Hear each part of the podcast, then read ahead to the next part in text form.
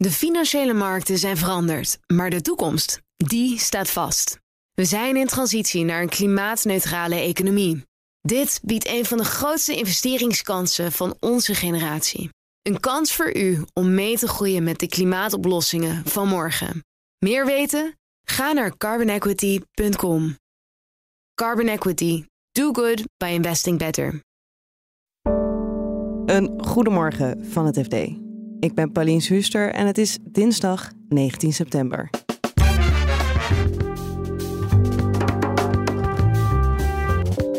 De euro daalt al negen weken op rij versus de dollar.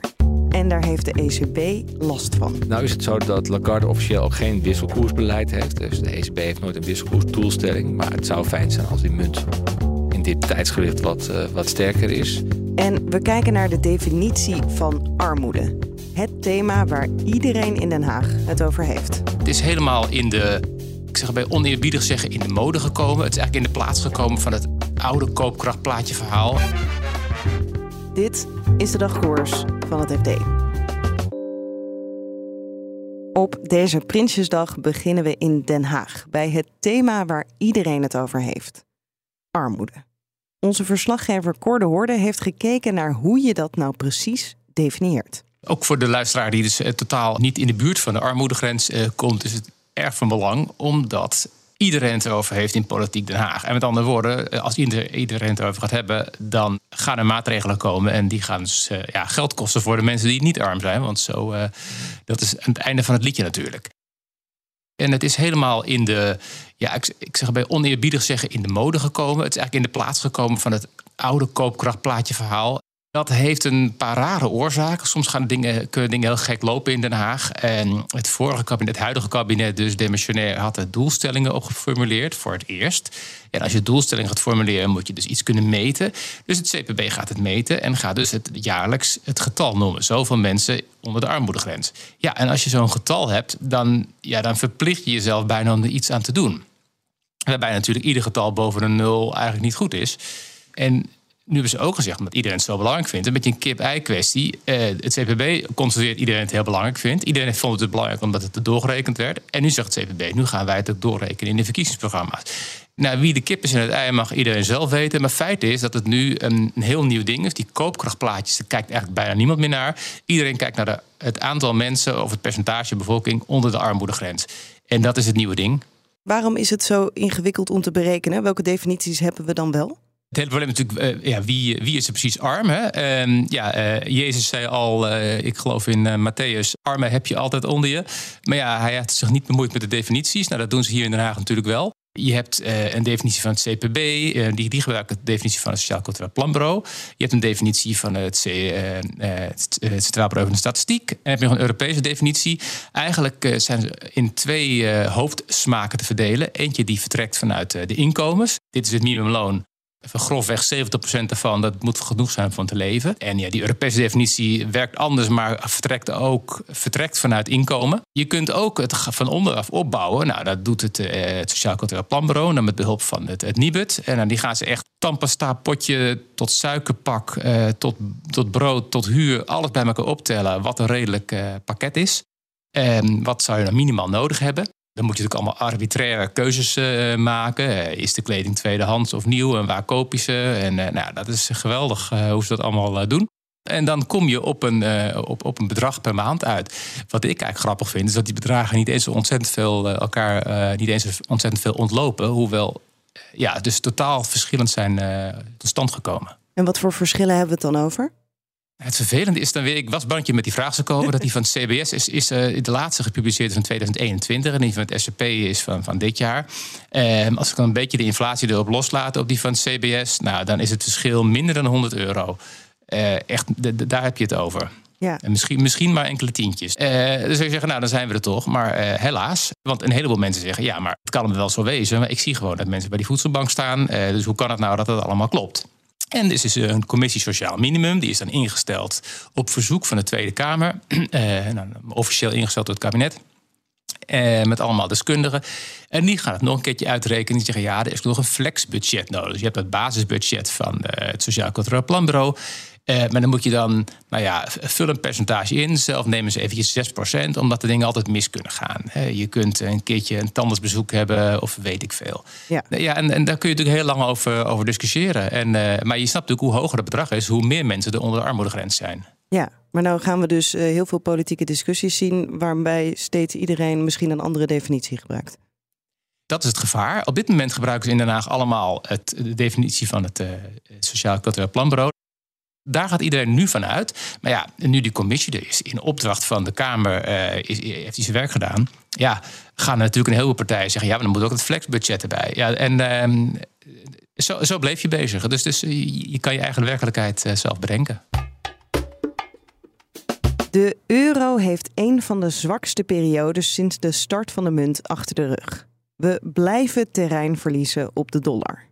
Macro-economie-redacteur Marijn Jongsma legt uit waarom we daar zo last van hebben. Nou, de Europese Centrale Bank is nu drukdoende om de inflatie onder controle te krijgen. En als je dat wil, dan helpt een zwakke munt niet, omdat je meer betaalt voor je import. Ja, en import, dat gaat uiteindelijk ook doorwerken in je inflatiecijfer. En Europa is vooral wat betreft energievoorziening heel afhankelijk van importen uit landen die olie en gas exporteren.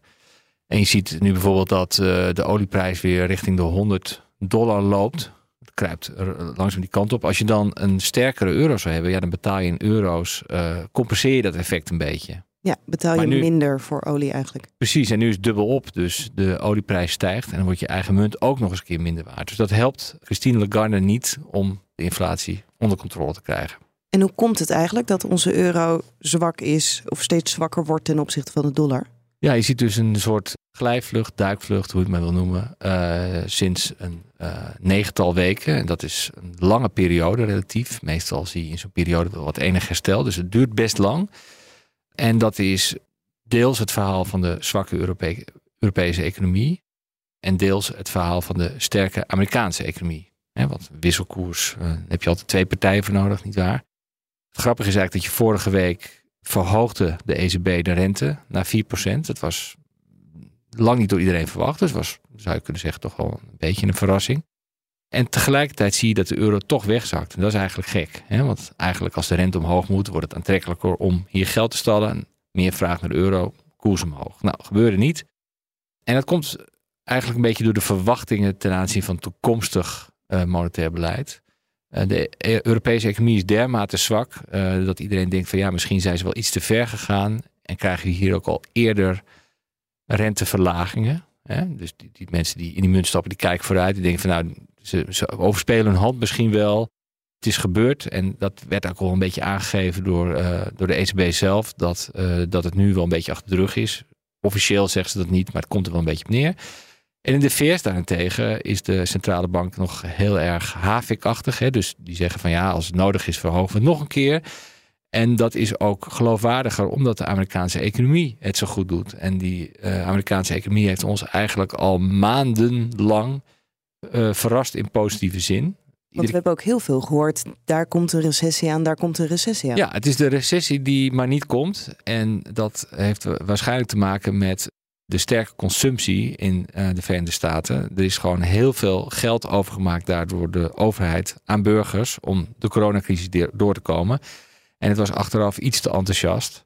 Uh, want dat geld wordt nu allemaal als een malle uitgegeven.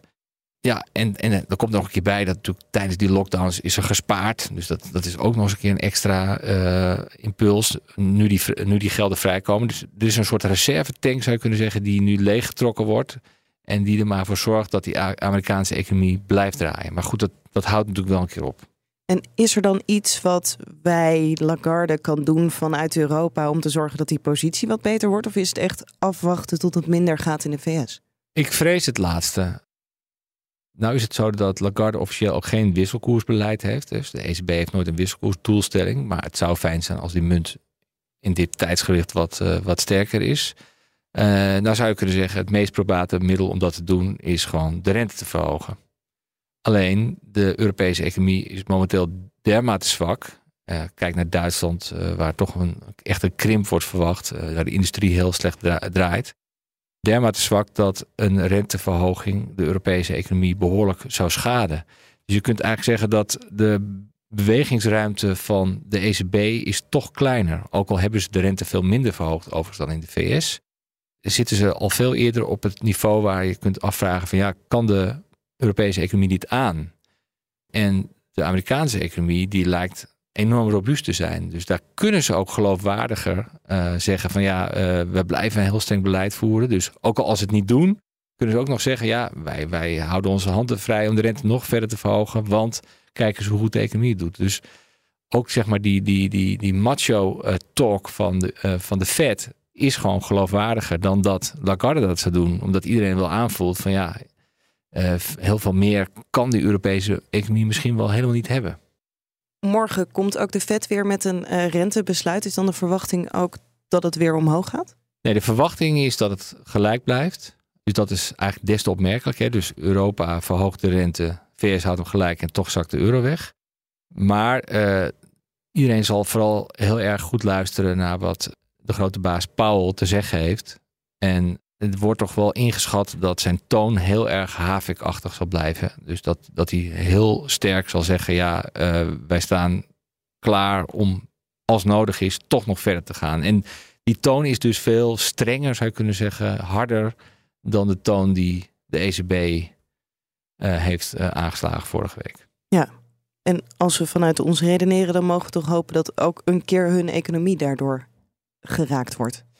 Ja, dat is wel de verwachting. Hè? Dus, dus als je ook kijkt naar de prognoses van valuta-specialisten, die denken allemaal dat de dollar uh, uh, toch gaat zakken ten opzichte van de euro. Dus spiegelbeeldig de euro wat sterker zal worden. Simpelweg omdat die Amerikaanse economie toch een keer gaat, uh, gaat vertragen. Omdat inderdaad, zoals je zegt, die renteverhogingen die gaan natuurlijk een keer pijn doen in de vorm van investering, maar ook consumptie. Zeker in de VS het heel gebruikelijk om heel veel te betalen met je creditcard. Nou, die rente daarop is natuurlijk ook behoorlijk opgelopen. En omdat die reservetank aan besparingen en giften van de overheid een keer leeg raakt. En eigenlijk dat effect zul je al iets eerder zien dat, dat het echt leeg raakt. Omdat de mensen die uh, al wat geld hadden, zeg maar, en dat geld ook gekregen hebben, die maken het niet allemaal op. Dus, dus de mensen die zeg maar de, de hoogste consumptieneiging hebben, die hebben het op een gegeven moment gewoon uitgegeven. Ja, en dan dan valt die raket weg. En dan, uh, dan moet de Amerikaanse economie toch weer op uh, eigen kracht redden.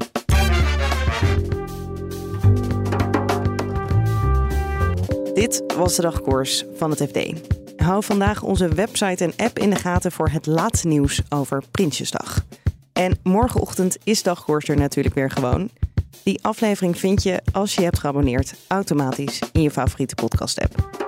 Nog een hele fijne dag en graag tot morgen. De financiële markten zijn veranderd, maar de toekomst, die staat vast. We zijn in transitie naar een klimaatneutrale economie. Dit biedt een van de grootste investeringskansen van onze generatie. Een kans voor u om mee te groeien met de klimaatoplossingen van morgen. Meer weten? Ga naar carbonequity.com. Carbon Equity. Do good by investing better.